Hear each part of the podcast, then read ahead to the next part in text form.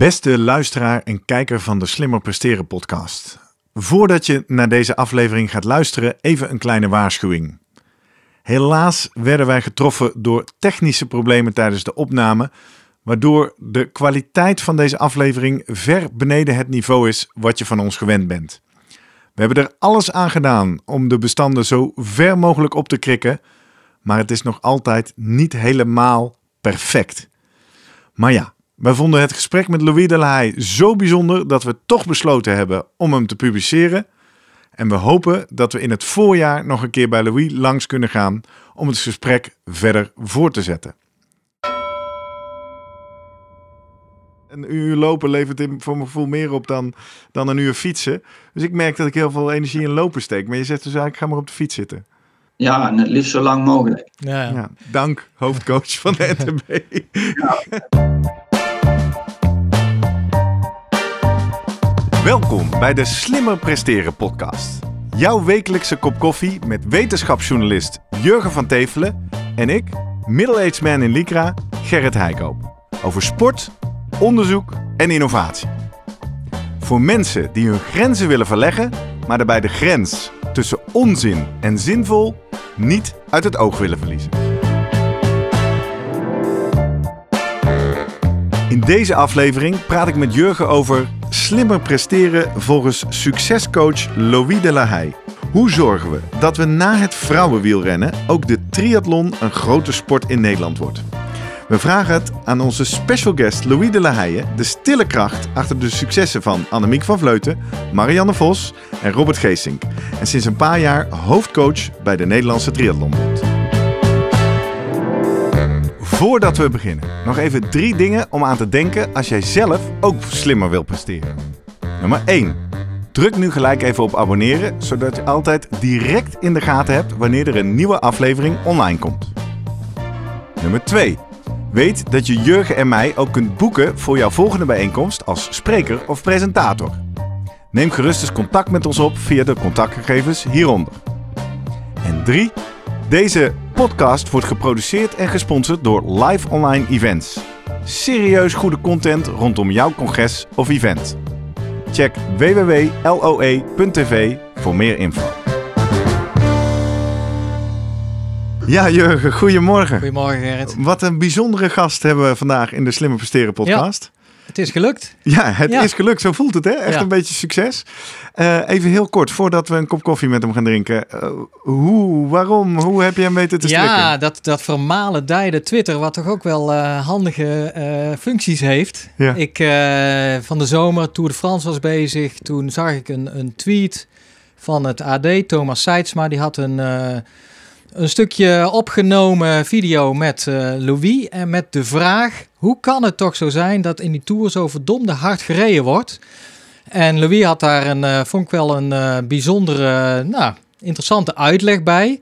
Waarbij ook de hoogtestage een belangrijke rol speelde. En als ik het woord hoogtestage hoor, ja, dan gaan natuurlijk altijd bij mij uh, mijn nekharen een beetje omhoog staan. Ja, aflevering 16 hè, van de Slimme Presteren podcast. Dus daar heb ik gereageerd en uh, mijn artikel ook nog opgestuurd. En uh, nou, in plaats van dat Louis mij helemaal afmaakte, wat normaal op Twitter misschien wel eens gebeurt, zei hij...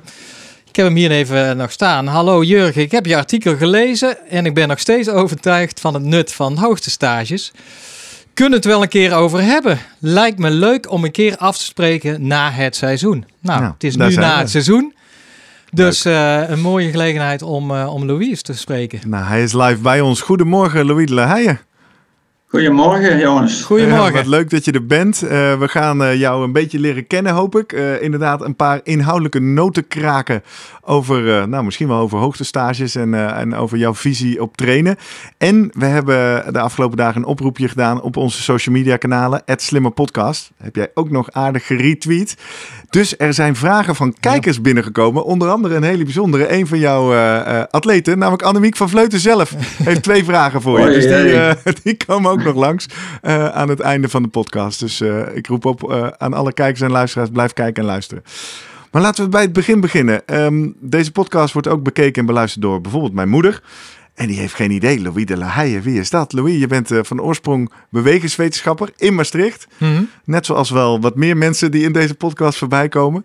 En toen zag ik, er is niet zo heel veel over jou te vinden op het internet, maar ik zag dat je eigenlijk al heel jong als bondscoach aan de slag ging bij de Triathlonbond.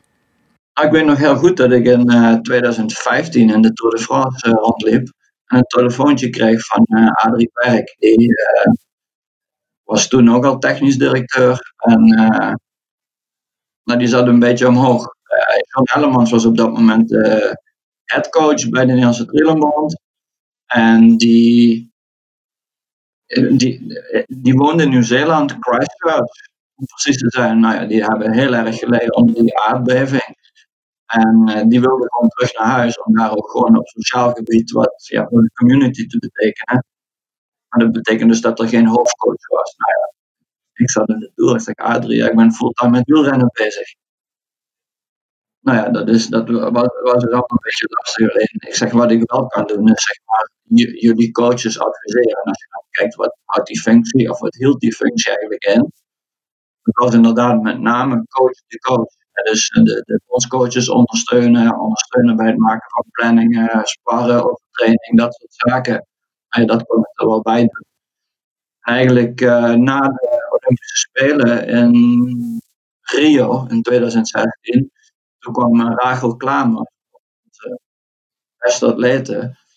Uh, die kwam van ja, die zat op dat moment bij Joel Filio en nou, waarschijnlijk de topcoach in de wereld. Die zei van ja, ik wil eigenlijk naar Nederland komen en door jou, jullie begeleid worden. Dat kwam weer in het dagelijkse trainerschap terecht. Dagelijks, op dagelijkse basis begeleiden van atleten. Nou ja, ik vond het een mooie uitdaging. Maar dat betekende wel iets anders dan wat ik deed. En dat was eigenlijk een van de belangrijkste redenen dat ik uiteindelijk uh, begin afgelopen jaar zeg maar, gestopt ben met uh, fulltime wielrennen. in ieder geval bij Jumbo-Visma. Aha, want dat is uh, wat, wat, toen ik las van jij bent vorig jaar gestopt bij Jumbo-Visma. Had jij al zoiets van ja, ik hoef daar niks meer te doen, want het fundament is gelegd die jongens zijn klaar om, uh, om successen te boeken. Want ja, dit jaar is natuurlijk duidelijk van wie, hoe sterk de ploeg is geworden, hoe sterk de renners zijn. Um, of vind je het toch wel jammer dat je eigenlijk dit jaartje ook niet hebt meegepikt om te delen in, in die successen, waar jij natuurlijk ook een belangrijke bijdrage aan hebt geleverd? Nou, nee, ik, uh, ik geniet op afstand. ik, ik heb geen spijt van de keuzes die ik gemaakt heb. En mijn uh, collega's noemen dat een beetje het Louis de effect. Als het moment dat ik weg ben, dan gaat het opeens als een speer vooruit in de prestatie. En, en, en zij zeggen dat omdat ik ooit bij de Duitse Triathlonbond gewerkt. En toen kreeg ik een kans om in het professionele wielrennen te gaan werken. En dat was toch wel een beetje een droom van me. Toen ben ik daar weggegaan en ik daarna werd Jan Verdeen Olympisch kampioen in Beijing. En daar gold eigenlijk een beetje hetzelfde. Ik, ik was daarbij in Peking, ik was daar ook met de renners. En ik vond het gewoon fantastisch om dat te zien. Uh, iemand met zoveel talent, ambitie en hard werken, dat hij dat haalde. En of dat nou onder mijn regie gebeurt, dat vind ik dan helemaal niet zo belangrijk. En dat is hetzelfde nu bij Jumbo-Visma. Ik vind het schitterend wat ze doen. Ik vind het schitterend dat ik daar ook een hele lange tijd en met een tien jaar uh, heb mogen werken. En kansen gekregen hebben om hun ideeën uit te voeren. Ik vind het schitterend wat ze nu doen en ik geniet er net zo goed van. Ja, want jij begeleidt nog wel Robert Geesing, meen ik, hè? Klopt dat? Als ik dat. Uh, ja. Uh, dat, dat, klopt. Robert die krijgt op dit moment trainingsschema's van Mathieu Heijboer. En ik doe, hij noemt het maar de coaching, dus we doen een beetje samen. Ik werk met Robert al sinds een achttiende of zo. Dus dat is al zo'n beetje 15 jaar. ik denk dat het goed is dat hij sinds vorig jaar wat nieuwe trainingsprikkels krijgen. Want je doet dat fantastisch. Uh, maar ik ken hem ook heel erg goed. Dus zeg op, op, op, het moment dat het een keer niet zo lekker loopt, of juist heel lekker loopt, dat soort dingen delen. En nou, wat spiegelen, dat soort dingen, dat, dat, doe ik dan uh, wat meer. Dat is, dat is leuk. Ja, want dat is wel, denk ik, uh, dat valt me op. Jij hebt hele lange verbindenissen, lijkt het, met jouw atleten. Natuurlijk Annemiek van Vleuten kennen we, Marianne Vos.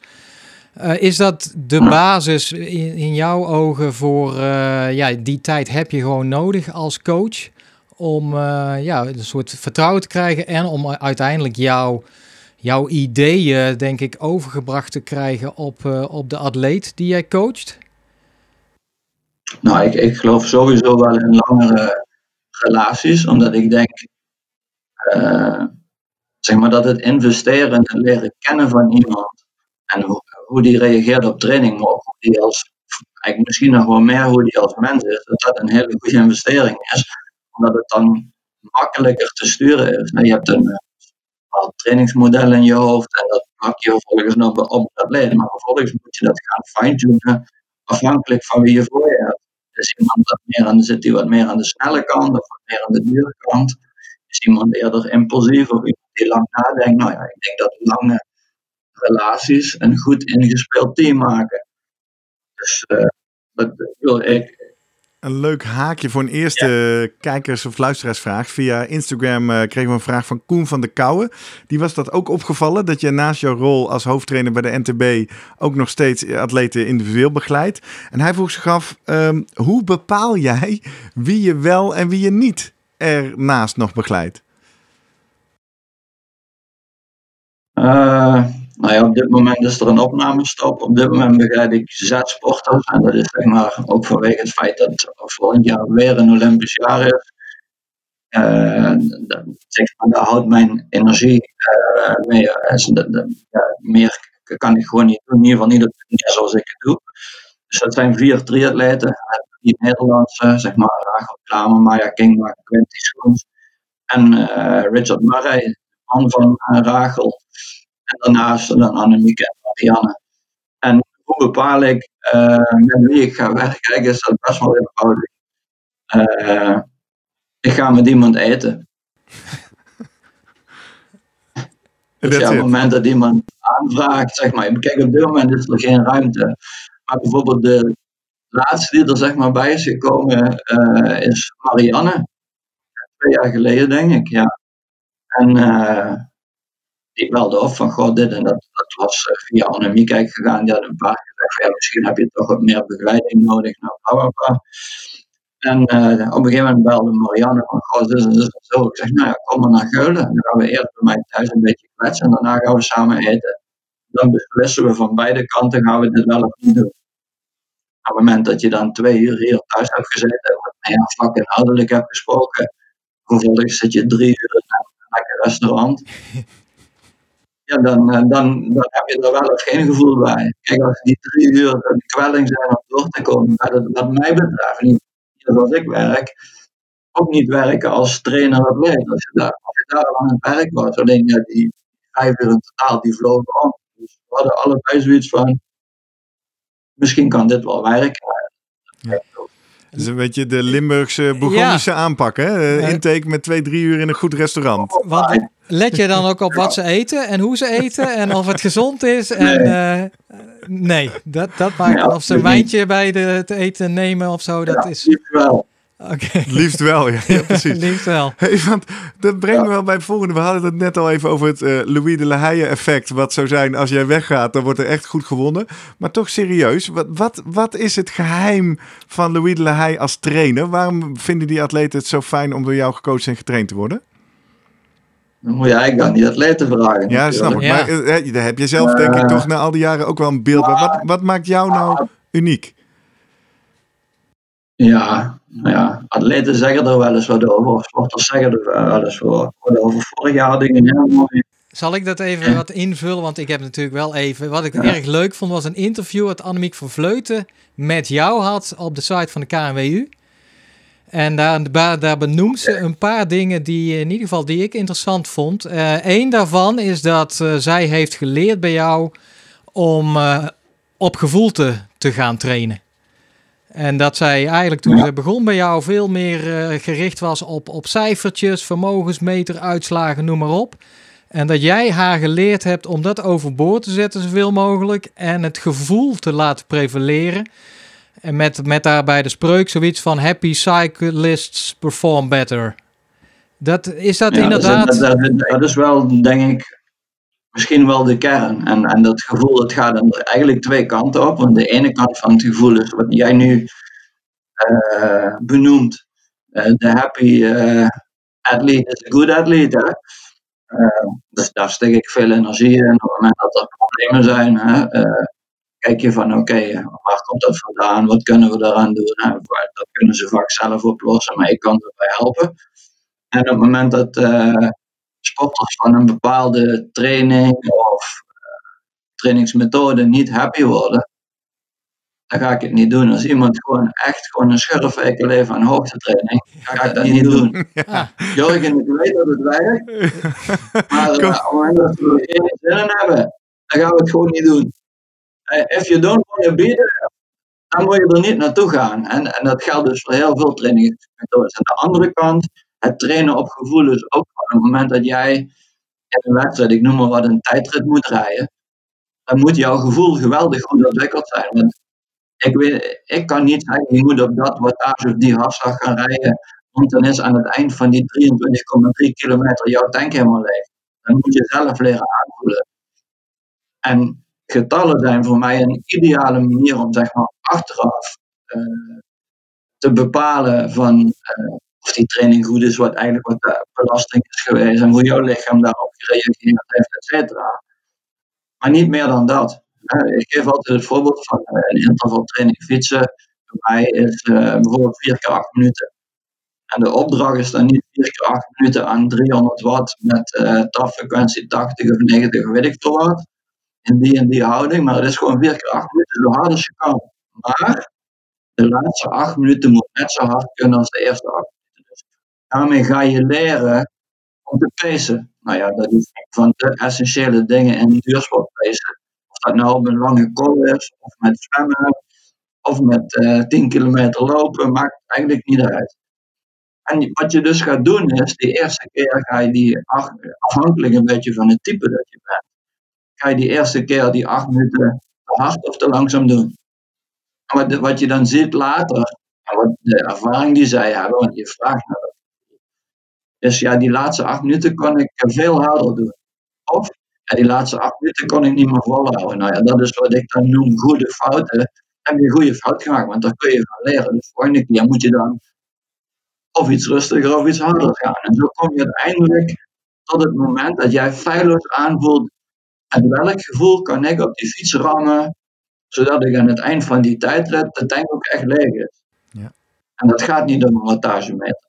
Dus, hey, wacht even. Ja, maar wacht even. Want we hebben meerdere haakjes naar andere afleveringen. Want uiteindelijk, Louis, proberen we ook tips vanuit de topsport naar de amateurs te vertalen. Je uh, roept hier al even, uh, dan heb je niks aan je wattagemeter. Aflevering 1, de koffie naar ons hand. Guido Vroemen draait zich om, uh, nou niet in zijn graf, maar op zijn stoel.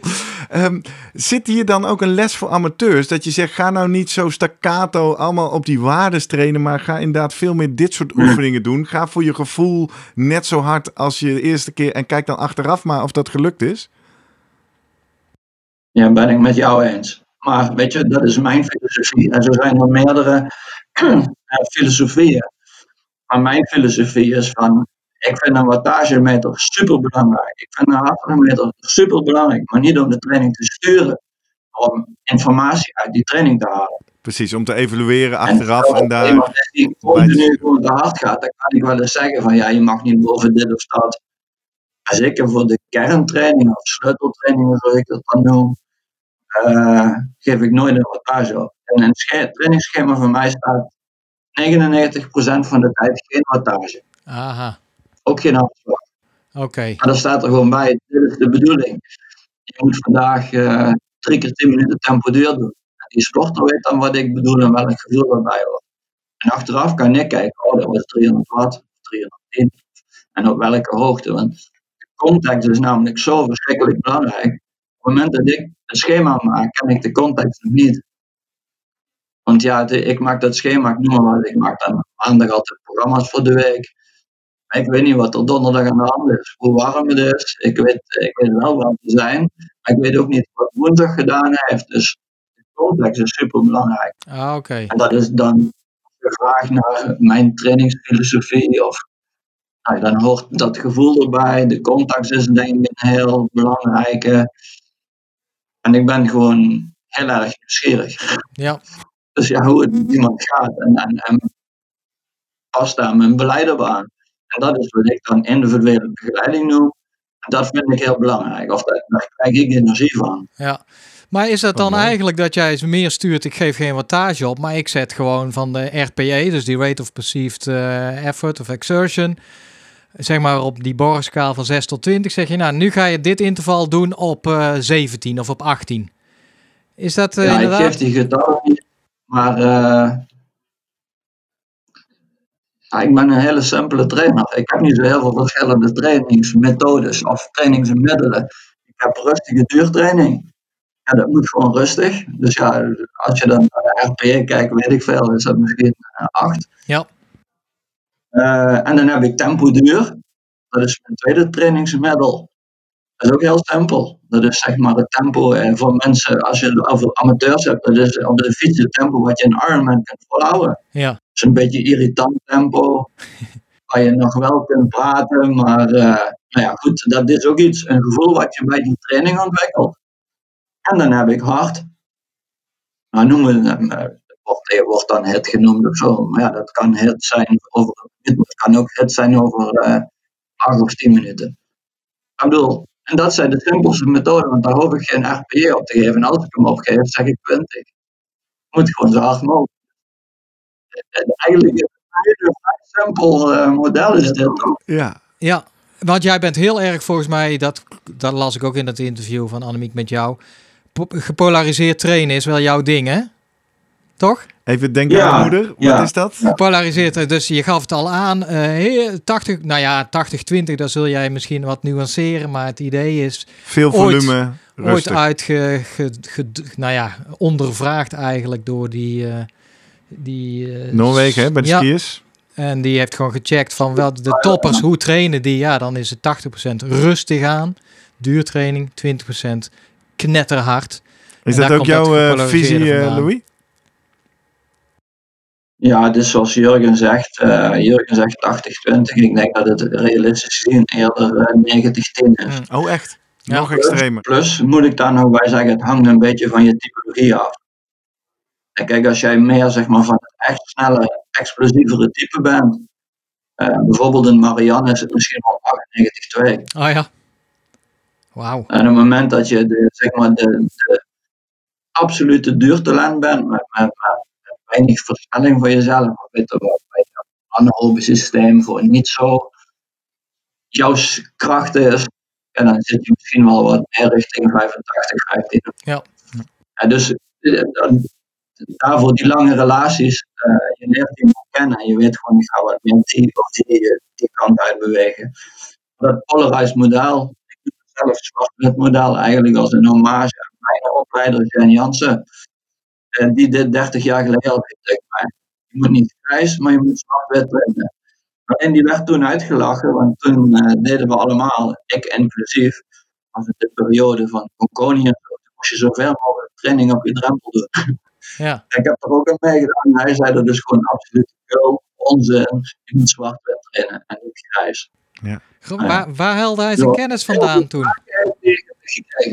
Ja, maar dat is uniek, want ik, uh, ja, ik scherm met die studie van Seiler, maar die is, uh, het lijkt alsof uh, hij al veel meer wist. Waar, waar, was dat puur proefondervindelijk of waren daar al nou, studies over eigenlijk? je moet ook een beetje geluk hebben in je, in je carrière. En dat heb ik wel gehad door onder andere hem tegen te komen. En sommige mensen zijn gewoon geniaal. Alleen ze zijn zo geniaal. En ik ben niet geniaal, dus ja, ik snap het gewoon. en heel veel van de dingen die hij toen riep, waren heel erg uh, ja, controversieel. Onder andere dat zwart-wit, want dat paste niet in die tijd. Echt, het gaat echt letterlijk over heb ik het over echt begin 90 jaar. Ik denk, ja, waar, waar heeft hij het over? Mhm. Ik wilde het wel begrijpen, maar ik kan het niet begrijpen. Nou, ik had het toen ook over. Uh, dat was in de periode dat je 70 energieprocent van je voeding uit koolhydraten moest halen. Dan zei hij, ja, je moet meer vet eten. En daar had hij een reden bij. Hij is, hij is van origine humaan bioloog, biochemicus. Ja. Inmiddels is hij sportarts. Maar uh, hij deed dat vanuit het feit dat uh, om testosteron te maken heb je cholesterol nodig, cholesterol te maken heb je vet nodig. Nou ja, weet je wel, hij zag natuurlijk heel veel dingen terug bij topsporters. Nou, heel veel van die zaken die hij toen liep, kan ik nu plaatsen. En toen nog niet. Ja, ja, ja, ja. Hey, laten we zo even dat uh, onderwerp hoogtestage tussen jullie twee uitvreten. Maar ik wil vast een paar uh, ingestuurde vragen vast aan je voorleggen, Louis. Onder andere één van de twee vragen van Annemiek van Vleuten. Hoi Louis. Ja, je bent altijd uh, super bescheiden en ik vind dat je dat onwijs siert. je bent een coach die niet op de voorgrond hoeft te treden, omdat um, je jezelf ook niet meer hoeft te bewijzen als coach. in tegenstelling wat ik wel zie gebeuren bij andere coaches. En ik vind het zelf een heel erg sterk punt van je. Uh, deze vraag ga je misschien uh, wel wat lastig vinden, uh, maar ik ben heel benieuwd um, waar jij het meest trots op bent als coach. Wat je als coach hebt bereikt met een van je atleten of met je atletengroep. Um, dus waar je zelf een heel groot aandeel ook had um, in de prestatie.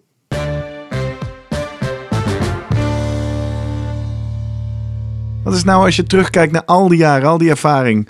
En ik weet niet of ze nu zitten hinten naar haar eigen wereldkampioenschap. Maar de vraag is aan jou, Louis. Nou ja, weet je, eh, ik ga twee dingen eigenlijk noemen. Eén is zeg maar, noem het dan maar het verzameld werk. Uh, en dat is zeg maar de lange relaties met atleten. Uh, en er zitten hele bijzondere prestaties uh, tussen. Heel erg trots ben op iets wat ik echt helemaal aan het begin van mijn carrière heb gedaan. Dat is met, kennen jullie niet eens, Sylvia Pepels. Een, maar een meisje, 45, maar een meisje uit Stijn. Gewoon als 16-jarige kwam die bij de lokale atletiekvereniging waar ik op dat moment werkte. En uh, nou ja, die, die deed triathlon. Alleen triathlon stelde toen niet heel veel voor. Zij was junior. Maar ja, eh, lang verhaal kort, heel veel aandacht voor blessures. Ik kwam uit het zwemmen. Uh, waarschijnlijk ook geen supertalent. En uiteindelijk heeft zij de Olympische Spelen in Sydney gedaan. Nou ja, daar ben ik bijzonder trots op. Dat was ik de eerste die van echt letterlijk zeg maar, binnengelopen bij de atletiekvereniging tot dat, dat, dat niveau. Nou ja, dat vond ik wel heel erg mooi. En, en, en het tweede is eigenlijk, dat, ik denk dat dat iets over het verzameld, uh, verzameld werk zegt, is van, uh, het is niet zozeer een prestatie of een overwinning waar ik dan direct trots op ben, maar ik gaf pas geleden nog het voorbeeld van uh, het, dat je een gevoel van trots hebt. Was, ik weet niet eens meer welke tour dat het was. Ik denk de laatste klassement van Robert werd die zes in de tour. De dag voor het einde was de etappe naar Ambuweg. Ik hoefde die dag niet mee in de auto. Wat deed ik dan? Dit kwam met de osteopaat rijden voor het peloton uit. En we gingen op de de Fer boven staan en dan mag je nog een bidon aangeven, omdat het zeg maar de ene laatste call is. Ja, wij gingen er staan binnen de hekken en dan sta je te wachten tot die renners komen. Je bent veel sneller als met de auto. Dus we waren er een half uur voor tijd. En op een gegeven moment voltrekt zich dat dan zo. Als je in de tour zit, ben je heel erg procesmatig en met de wedstrijd bezig. Maar niet zozeer met de emotie van de tour, et cetera. Maar ik stond daar nou, en ik helikopters, politiemotoren, et cetera. En op een gegeven moment komt dus zeg maar de kop. Waren tien of twaalf renners. Nou ja, Geraint Thomas die reed op kop van En in dat wiel zat Quintana, Valverde en Stevie, uh, Steven Kruiswijk en Robert. En dat, was voor mij eigenlijk overkoepelend gevoel. Want zat fuck die gasten zijn goed. En daar mag ik mee werken. Dat was misschien maar een split second, maar dat was zo'n apart gevoel. Misschien wel veel aparter als als ik zeg, ja, Annemiek wordt wereldkampioen. Ook heel apart. Alleen op dat moment drong het op mij door van, goh, je hebt toch best wel een, eh, een speciale hobby, zeg maar. En daar heb je ook nog die broek Ja. Dus ja, dat vond, ja, nou ja, dat vond. Ja. Mooi. Nou, ze schrijft er onder, uh, onder haar vraag nog een mooi compliment. Voordat ze dadelijk nog een gemene tweede heeft. Maar die Ah. bewaar ik even tot het einde. Ze zegt: Ik kan voor mezelf spreken dat Louis bij mij een grote invloed heeft. Omdat we een team zijn. Die samen plannen smeden. Om mij in topvorm te krijgen. Mentaal en fysiek op het juiste moment. Dus eh, ze onderschrijft nog een keer wat je net ook eh, benoemt. Hè, die Ah, lange mooi, hè? relatie. Ja. Mogen we het dan over mooi de om- hoogtestage hebben? Ja, we gaan het over hoogste stages hebben. Ja, Louis, heb jij toevallig kans gehad om eh, aflevering 16 van de Slimmer Presteren podcast helemaal te luisteren? Nee, Nee, ik hè? heb, eh, vorige, week was ik Dat is een samenvatting van het artikel een beetje hoor, wat ik schreef. Ja. Nee, maar wat, ik nee, vind het wel leuk dat jij zegt van... eh, want ik, ik eh, als Annemiek van Vleuten... Dat, eh, die komt wat vaker in het nieuws. Ook uh, als zij vertelt over. Die is natuurlijk berucht van de hoogste stages. Ook afgelopen jaar natuurlijk Colombia. Een paar maanden geweest. Echt hoog. En wat ik wel altijd uh, hoor bij haar is dat zij de eerste zin zegt: Ja, nee, het is nou niet echt zo dat je daar enorm beter van presteert. Dus hij nuanceert die boel ook. Maar zegt zij al van ja, A, ik vind het heel leuk en fijn om een ander land in de bergen. En B, ik reageer er goed op. Dus dat denk ik al, dat zet al een beetje de toon van. Uh, nou, het is niet uh, je, ja, uh, dat je het per se dat het zoveel prestatieboost hoeft te geven. En ten tweede van dat ze zegt, ik reageer er goed op. Ja, dan kom je op het punt van die responders, non-responders. Waar ik toch sterk het idee van heb, ja, dat is dus ook aan de hand van een studie weer dit jaar verschenen. Hebben ze meerdere sporters bekeken die op hoogste stage zijn gegaan. Meerdere keren achter elkaar.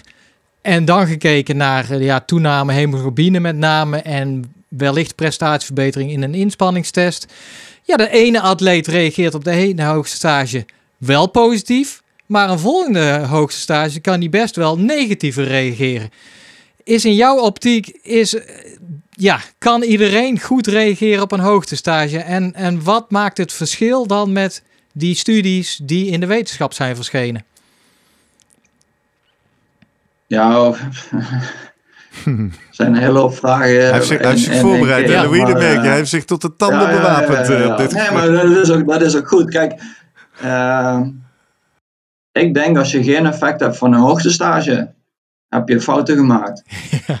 En uh, dat kan ik makkelijk roepen, want uh, mij interesseert het eigenlijk helemaal niks of ik kijk niet naar hemoglobine. Ik kijk niet naar aantal rode bloedcellen. Ik kijk naar presteren na de hoogtestage. Ja. Mhm. En ik kijk ook niet naar, heeft dat nou te maken met de hoogte? Of, uh, of met het feit dat we daar wel of geen krachttraining hebben gedaan. Of dat je meer klemkilometers gemaakt hebt. Eigenlijk vind ik dat allemaal niet zo boeiend. Mij gaat het gewoon om beter presteren. Ja, ja. En ook nog eens in de context van die renner. En heel veel wetenschappelijk onderzoek is natuurlijk volledig uit zijn context gehaald. Want ja, uh, uiteindelijk wil je een Tour de France van drie weken uh, goed rijden. Maar ja, je, je moet iets testen. Dus ja, dat doe je dan vaak in een, of in een, in een, in of in een uh, tijdrit van een uur. Maar in hoeverre is die tijdrit van een uur representatief voor de Tour? Ik heb echt verschrikkelijk veel onderzoek gelezen over, over hoogte.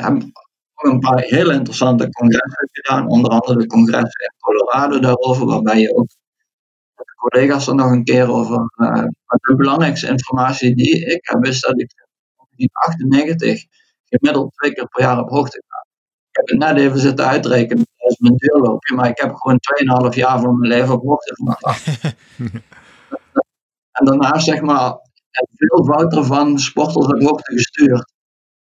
Maar die 2,5 jaar is dat ik er zelf ook nog eens bij was. En dus ik, ik kan een beetje naar de resultaten kijken.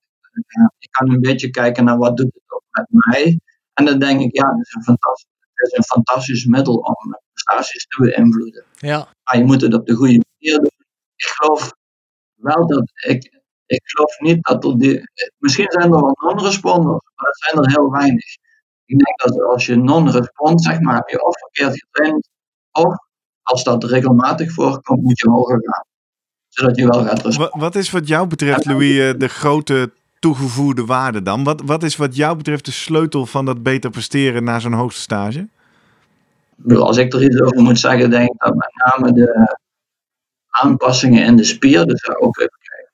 Toen ik ermee begon, was het allemaal train, of, uh, sleep high, train low en daar heb ik vanaf het begin niet, niet in geloofd. Ik ben veel meer van het model van, nou ja, Grégoire sleep high, train high and low.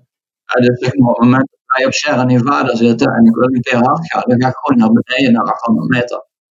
Maar het liefst doe ik heel veel boven, behalve de, nou ja, waar we daar straks hadden over die hele intensieve hitsessies. Dan wil ik gewoon dat ze ook neuromusculair die spier meemaakt wat deur zoveel mogelijk te trappen dat spel heb ik door schade en schande, en wat ik al zei, dus over iets van in ieder geval meer dan 40 staan.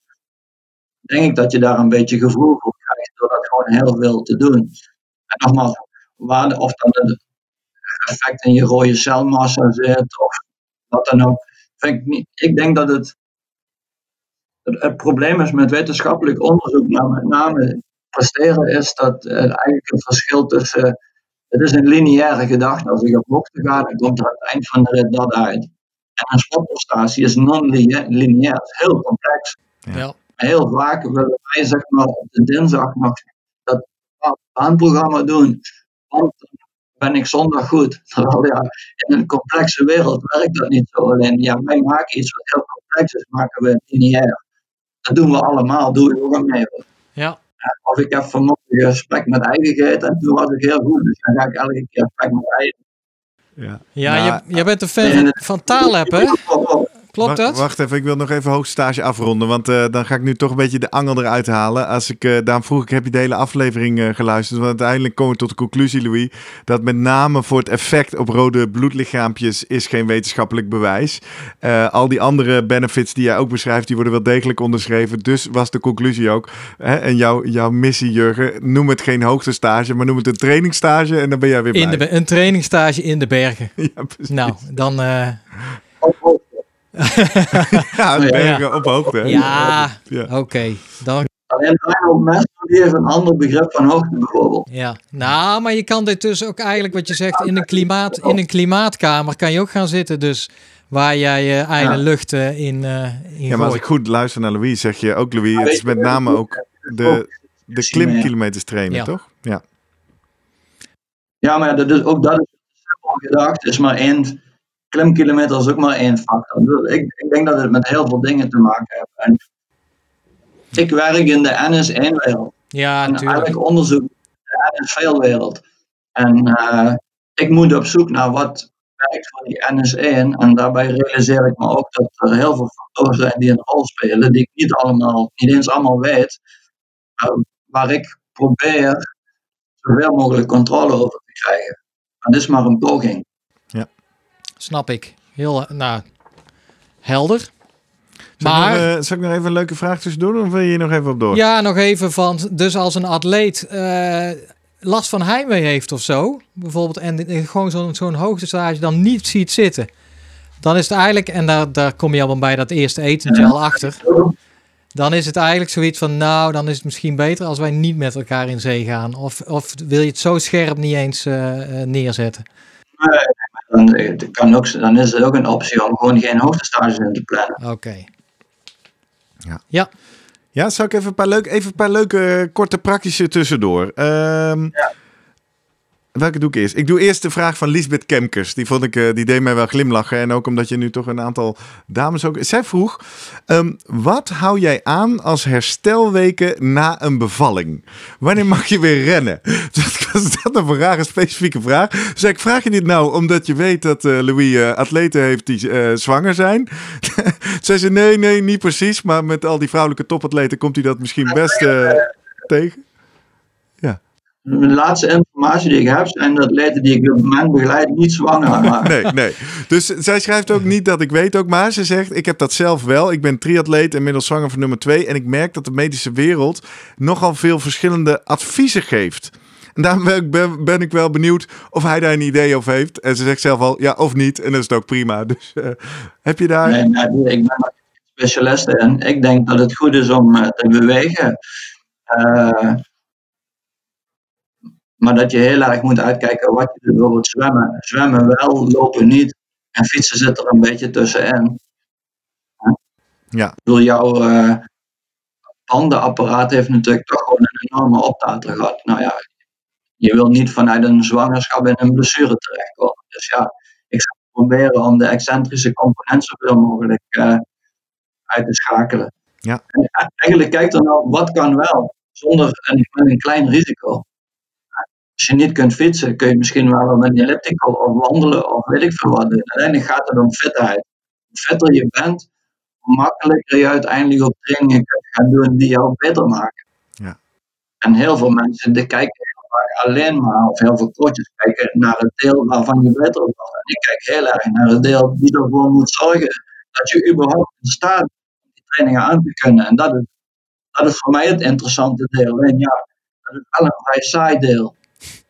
Ja, de, de bodem van de piramide noemen ze dat, hè? Met saaiheid omgaan, want dat is onderdeel van hun beroep of hun passie, of hoe je dat wil noemen. Ja. Laten we maar over de passie uh, triathlon. Dat is namelijk onze passie. Zeker. Geworden, zeker. Um, daar, ja, is denk ik jouw eerste passie, was het hardlopen of ben jij, want ik las iets over jouw eerste triathlon, een, een derde, ergens in Limburg, in een pak van de brandweer. Is het daar een beetje begonnen, jouw liefde voor de triathlon, klopt dat?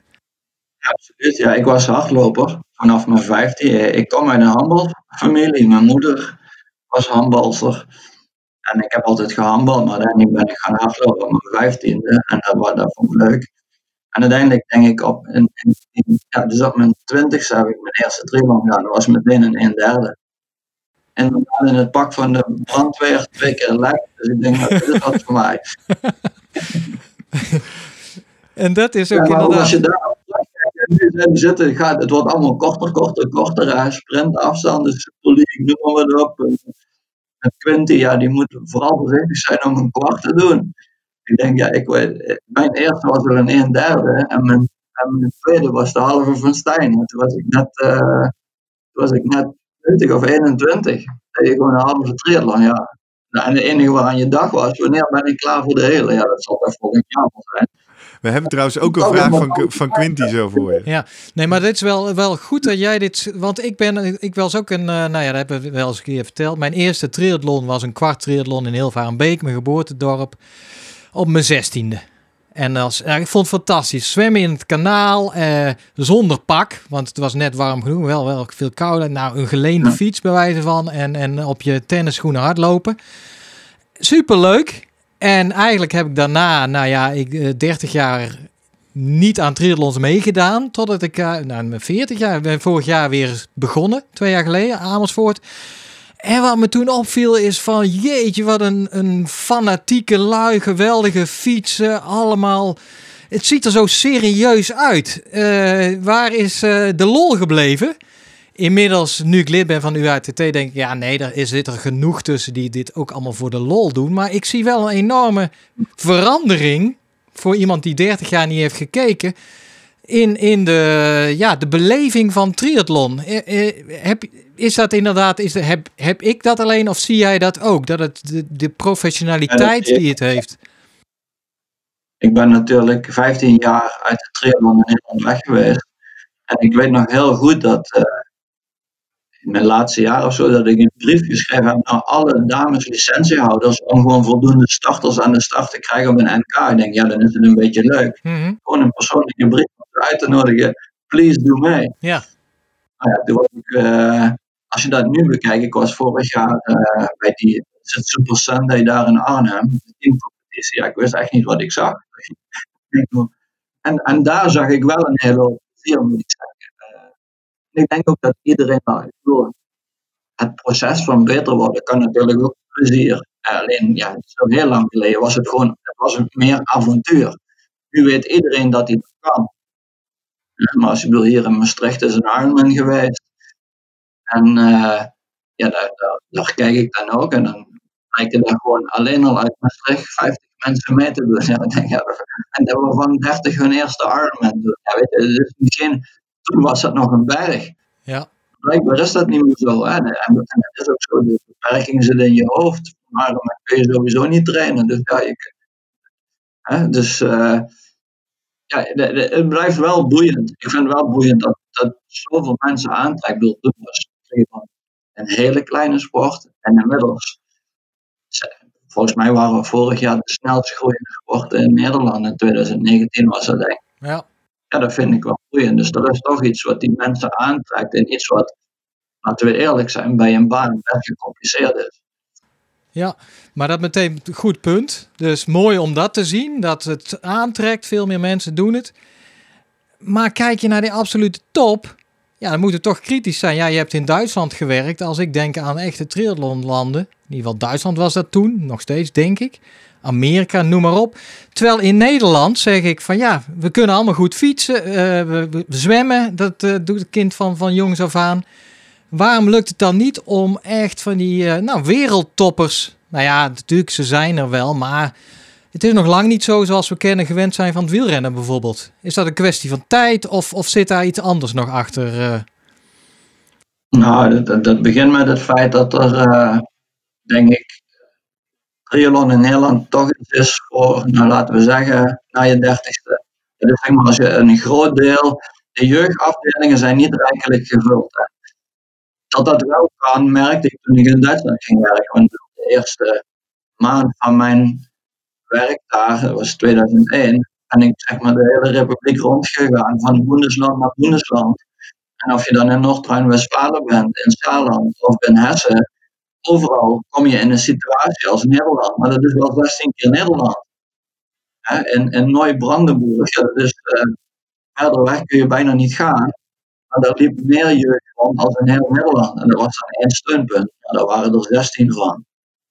Noord-Rijn-Westfalen heeft evenveel inwoners als Nederland. Als je kijkt wat daar op gebied gebeurt. Dus eigenlijk, de Duitsers hebben mij toen benaderd omdat ze het ongelooflijk vonden, zeg maar, in de aanloop naar Sydney. Zeg maar, uit zo weinig licentiehouders of zo'n klein land uiteindelijk nog zoveel geporteerd werd. Dus uh, je kunt het ook een keer van die kant uh, kijken. Ik denk uh, dat onze kans zou moeten zijn dat triathlon nog aantrekkelijker wordt voor scholieren. Dus we moeten, we moeten investeren in de, in de jeugd, zeg je eigenlijk. Nou ja, het is ook logisch natuurlijk. Als je, als je meer top wil hebben, moet je een bredere piramide bij de jeugd hebben. Is, is triathlon leuk genoeg voor jongeren? Ik heb een dochter van negen. Die probeer ik als het even kan op een teamsport te krijgen. Want dat is goed voor je sociale ontwikkeling. Als die nu al normaal moet gaan zwemmen, rennen en fietsen. Denk nou, is, is het leuk voor kinderen, triathlon? Ja, ik bedoel, eh, hier in Sittard is zeg maar, ook een project samen met school.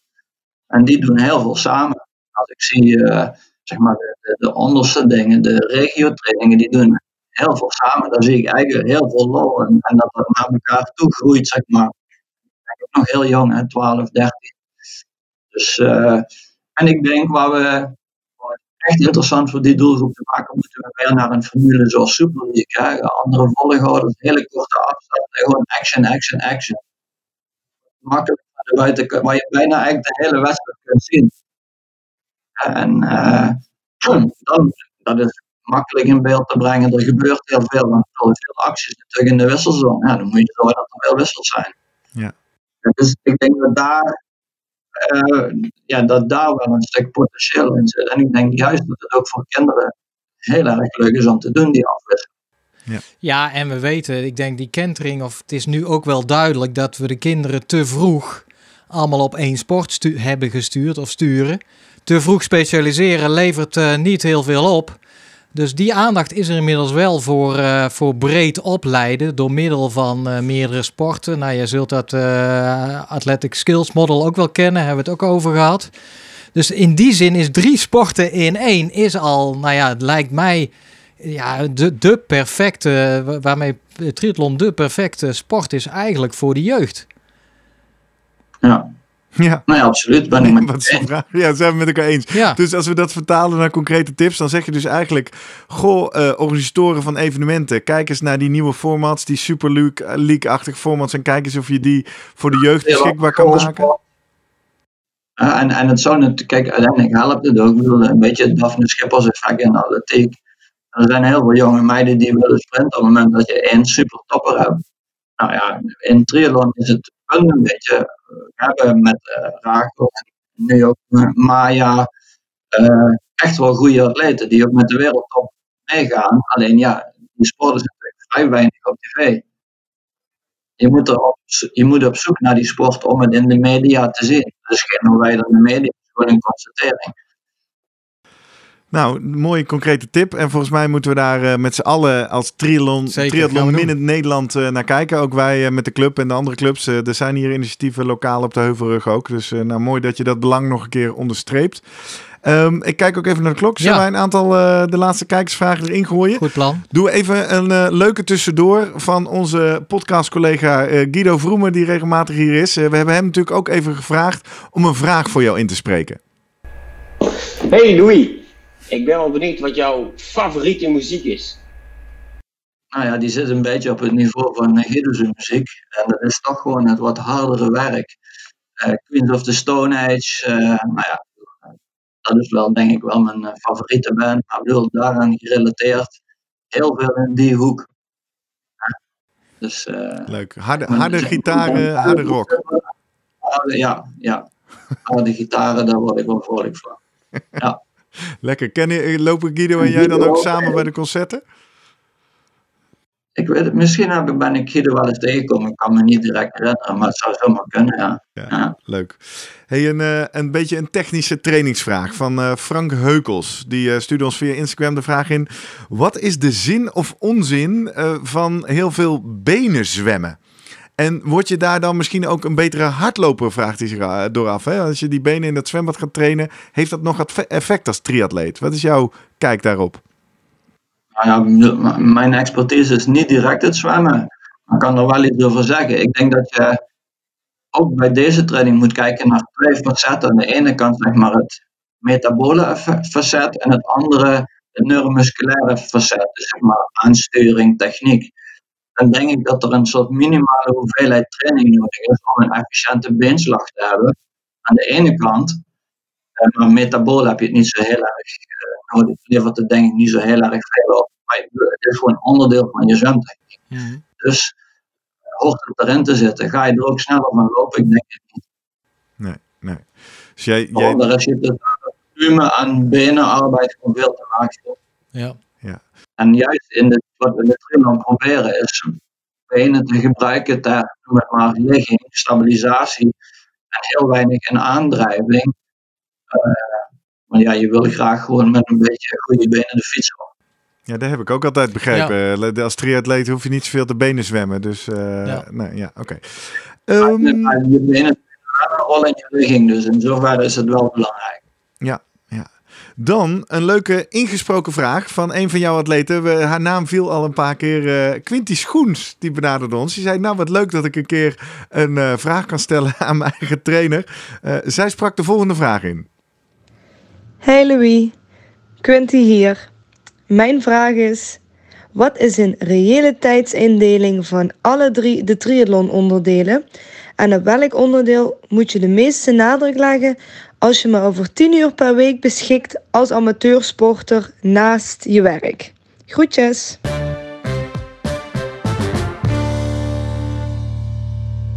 En dat is leuk, want dit sluit heel erg aan bij een vraag van eh, Remco Renes, vriend van de show. Hele lange vraag, maar ik vat hem even samen. En daar zegt hij dat ook. ook. Als recreatieve triatleet met, met een fulltime baan moet je je richten op het uh, volbrengen van de afstand. Zeker als je voor midden of lang gaat. Welke van de vier disciplines kan je dan het beste trainen? Eén van de drie of juist de combinaties? Wat, hmm. wat heb je voor tip uh, voor ons als amateurs? Wat uiteindelijk gewoon het belangrijkste is, is gewoon dat je veel doet met weinig risico. Nou ja, met zwemmen is laag risico. Met fietsen is laag risico en met lopen is niet zo laag risico. Want risico op blessures. Mm -hmm. dus op het moment dat ik dan een keuze moet maken in de verdeling van training, zou ik relatief veel fietsen. Ook omdat je daar je intensiteit laag kan houden. Als je dan kijkt naar dat Polarize of zwart-wit model, was dat daar heel erg goed in. Waarbij je lopen misschien wel wat specifieker doet en je aerobe systeem vooral traint met fietsen die keuze zou ik dan, zou ik dan maken. Ja. Dus je zegt veel fietsen relatief en, en lopen, op lopen besparen. Ja. En dit is op de lange afstand bepaalt fietsen ook gewoon je eindtijd voor een groot deel. Ja. Waarom? Het duurt gewoon het langste. Dus op het moment dat je vetter van de fiets afkomt, kun je harder lopen. Ja. Dus daarom zeg ik van ja, zeker bij de amateur lopen wordt ook al snel te intensief. Omdat je vaak een wat hogere intensiteit nodig hebt om gewoon überhaupt te lopen. En met fietsen kun je dus wel je aerobe systeem optimaal prikkelen. Want anders gaat alles zoals Seiler dat zegt, een beetje naar het midden. Wat ik net grijs noemde. Ja. Met fietsen kun je echt heel. Ja. Gerrit kijkt naar ja, zichzelf. Ik, ik leer hiervan, want ik zit nog als amateur uh, lopen vind ik het moeilijkst en kon ik het minst. En, uh, en kost me aan de andere kant het minste tijd. Hè. Uh, een uur lopen levert voor mijn gevoel meer op dan, dan een uur fietsen. Dus ik merk dat ik heel veel energie in lopen steek. Maar je zegt dus eigenlijk, ga maar op de fiets zitten. Ja, en het liefst zo lang mogelijk. Ja, ja. oké. Okay. Dank, hoofdcoach van de NTB. Ja, dan ga je harder lopen. Neem dat maar van mij aan. Ja, ja nou, dat is wel echt iets wat ik nu even moet omdenken. Als ik meer ga fietsen, ga ik harder lopen. Dat, ik voel een tweet aankomen over deze aflevering. Als ik meer ga fietsen, ga ik harder lopen. maar ja, kijk maar, op, uh, echt heel weinig. Als je, en als je ziet voor 18 nog in een wedstrijd lopen, ja, dat doe je op fietsen. Nou, Richard Murray heeft net boven 28 minuten gelopen op 10 kilometer. Met gemiddeld 50 in de week. Ja, ga maar maar een loper zoeken die dat kan. Die bestaan niet. Ja, maar dat komt uit fietsen. Ja. Wauw. Dat is wel echt even een inzicht uh, ja. wat ik hier pak uit de podcast. Er is ook wel wat onderzoek naar gedaan. Uh, cross-training effect. Bedoel, ja, dat, dat, uiteindelijk fietsen ook een invloed heeft op lopen. En je ziet nu ook in het lopen uh, de goede lopers ook wel eens de fiets pakken. En, en ik denk dat dat een hele verstandige keuze is om uiteindelijk gewoon weer fitter te worden. Ja. ja. Ik uh, had je beloofd, ik zal eindigen met een leuke vraag. Dus dan pak ik nu, uh, ik heb nog een beetje een gemene vraag van uh, Annemiek ook. Annemiek van Vleuten. Die had namelijk nog een tweede vraag. Nou, Louis, ik heb nog een lastige vraag voor je. Wat is je grootste misser als coach van atleten geweest? Dus iets um, waarmee je achteraf echt denkt dat je echt niet zo goed hebt gedaan. Ik ben heel nieuwsgierig uh, überhaupt of je zoiets kan uh, bedenken. En, um, ja, en wat het dan ook is.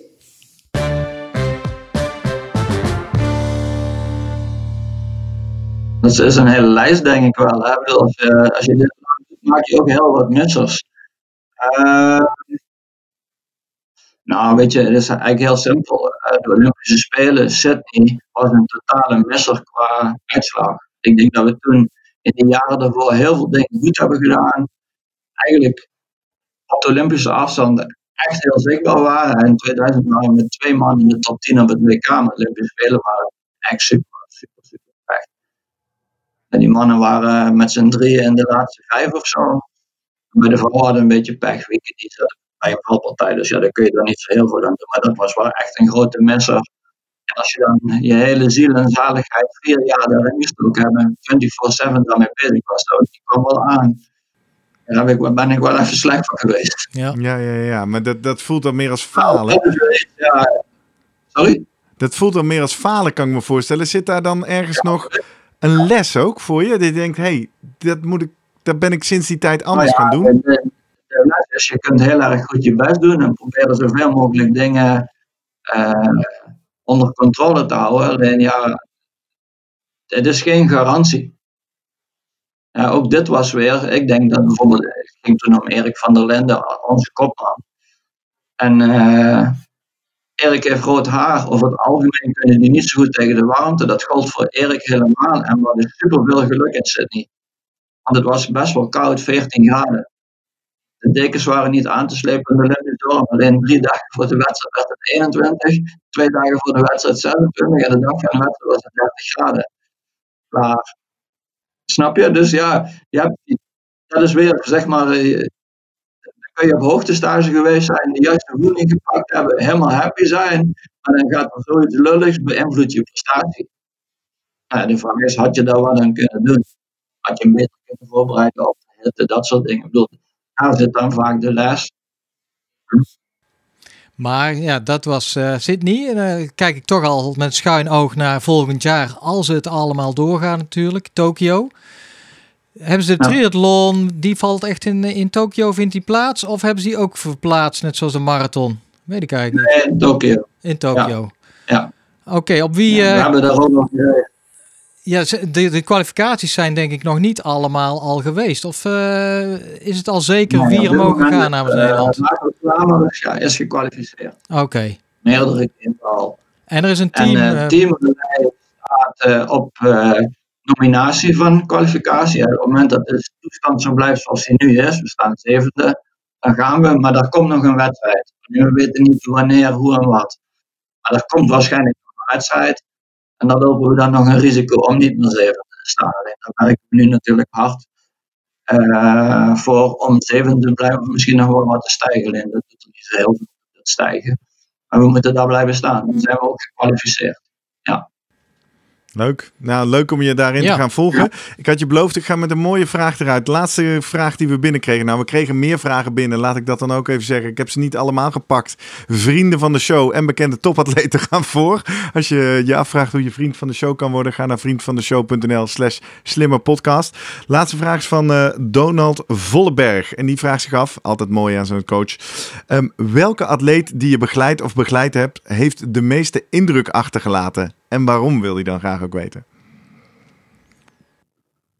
Goh, ik, ik denk dat dat uh, Robert is. En dan met name, dat, dat, we werken al, we kennen elkaar al 15 jaar. En wat me daar steeds van bijblijft hij heeft natuurlijk heel veel meegemaakt in zijn leven. Echt wel een aantal traumatische dingen. Tot met kleine dingetjes, valpartijtjes en, eh, en, en drukjes en zo, zeg maar. En wat het ongelooflijk knappe aan hem is, en je ziet dat bij Annemiek natuurlijk ook terug, is van gewoon elke keer gewoon weer schouders onder en we gaan weer verder. En, en een voorbeeld daarvan is ook, ja, was uh, Bastenaak Luik, nou dat viel die brak en die kwam hier in Maastricht in het ziekenhuis. Het geval, en dan zit je daar s'avonds, dat je 11 uur, ja, de, de dag daarna zou die geopereerd worden. En dan gaat het over, ja, moet ik dit nog wel doen? Is dit wel verstandig? Wat doe ik met familie? Ja, weet je wel, op dat thema. Nou ja, dan ga je uiteindelijk ergens om één uur naar huis en de volgende dag. Na die operatie kom je in die kamer op. Dan hebben ze hem zo'n wieltje gegeven waar je zich van in kunt fietsen. vervolgens is die plannen maken voor verderop. Dat soort dingen maakt op mij een grote indruk. Dat, uh, al die dingen die hij heeft meegemaakt, en dat geldt voor meerdere sporters, elke keer gewoon weer eigenlijk best wel snel de, de, de lol van in dit geval het fietsen ertoe bijdraagt dat je zegt oké, we gaan doelen stellen. En dat vind ik uh, bijzonder knap. En, en wat, bij wat hij heeft meegemaakt, hij heeft daar honderd, honderd keer wel de, de, een goede reden gehad te zeggen, het is gewoon klaar. Dit moet ik mezelf aandoen, maar elke keer is hij teruggekomen. Nu is het al een tijdje heel stabiel en het is mooi om dat te zien dat zo iemand die dat allemaal heeft meegemaakt, dat hij nu helemaal happy in balans is en zo'n belangrijke bijdrage kan leveren. In dit geval aan de geweld van, uh, van Primoz ook aan de Tour van Primoz, dat hij nog steeds zijn niveau haalt. En dat heeft gewoon alleen maar te maken met het feit dat, uh, en daar kom je weer plezier even wat hij doet. Ja, mooi. Ja, mag ik? Jij mag de slotvraag stellen, ja. Jurgen, doe het. Want uh, ja, nou ja, voor de luisteraars die het nog niet weten. Ik heb een boek geschreven en dat weet Louis ook namelijk. Ja. Want, ja, nou dan moet ik toch even eh, een heel iets wat me ontzettend trots maakte en, en, en ontzettend leuk vond om te horen. Ik eh, herinner me een podcast van Annemiek van Vleuten bij onze vrienden van de Rode Lantaarn. Ja. En daar vertelde zij, als ik het goed onthouden heb, dat zij van haar coach, daar zit hij, uh, het boek Het Maakbare Uur had gekregen. Ja. Uh, met het idee om, uh, om dat in ieder geval te lezen en misschien enthousiast te raken over dat prachtige werelduurrecord. Dus mijn vraag aan Louis is, en ehm, heeft Annemiek het inmiddels gelezen, denk je? Weet je dat? en zijn de plannen er voor dat werelduurrecord? Ja, ze heeft het gelezen. Nee, er zijn geen plannen. Maar er niet heel erg hard. Laten we het zo zeggen, maar uh, misschien komt het er wel een keer van.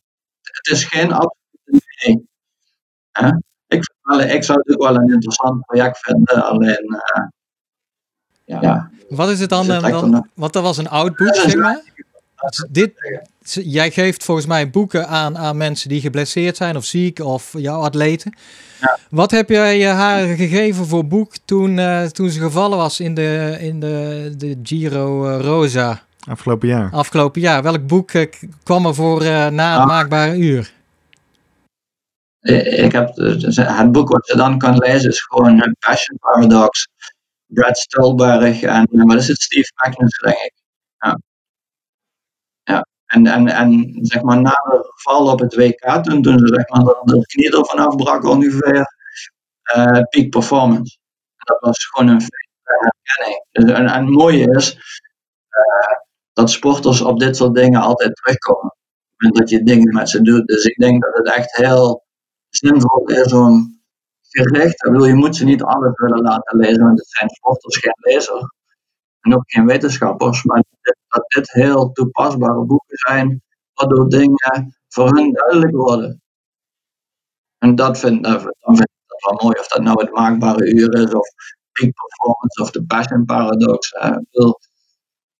Soms kunnen ze zich bewust worden van die goede dingen doen. Ja, deze aflevering komt uit in de decembermaanden. Dus uh, leuk, leuk boekenlijstje voor onder de kerstboom en uh, voor de kerstvakantie. Het maakbare uur, de Passion Paradox en Peak Performance. Mooi ja. rijtje toch, Jurgen? Ik ja. zou het al weten. ja. ja.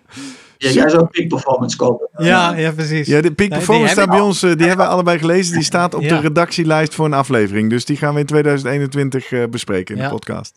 Goed boek, inderdaad. Mooi. Ja. Uh, wat mij betreft uh, breien we er een eerste eind aan. In de zin, Louis, als jij dit leuk en gezellig vindt, dan lijkt het mij fantastisch als we later wellicht nog eens een keer uh, koffie met je mogen drinken. Prima, koffie nou, was prima. Kijk, mooi. Die hebben we vast uh, gedeeld. Ja. Uh, dank voor jouw uh, tijd en bijdragers nu en je mooie tips. Hè? Een, een, een, happy sporter is een goede sporter. Oftewel de aandacht voor het mentale aspect en alles wat er omheen zit. Aantal mooie praktische tips en antwoorden voor onze vragenstellers.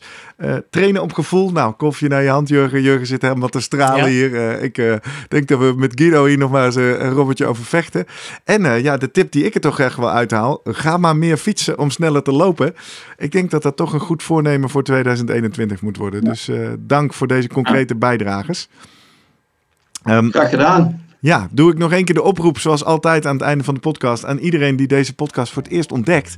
Jurgen en deze podcast en uh, Louis vonden elkaar op Twitter en Instagram. Daar zijn wij de @slimmerpodcast.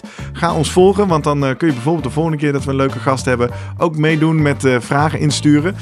Als we te veel vragen krijgen, zoals vandaag, dan geven we voorrang aan vrienden van de show.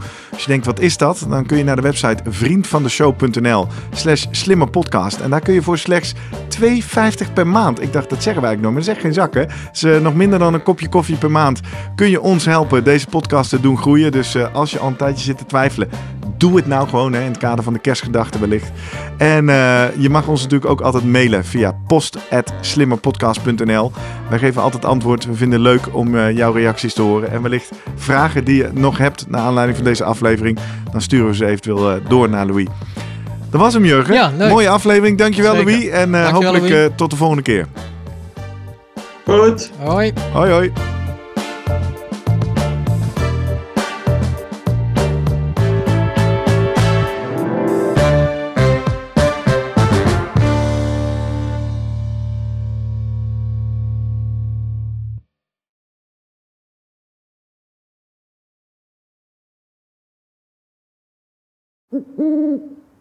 Hey, pst. Voordat je weggaat, denk er nog even aan uilentorenloop.nl. Dan zien we je de eerste zaterdag van juni. Tot dan!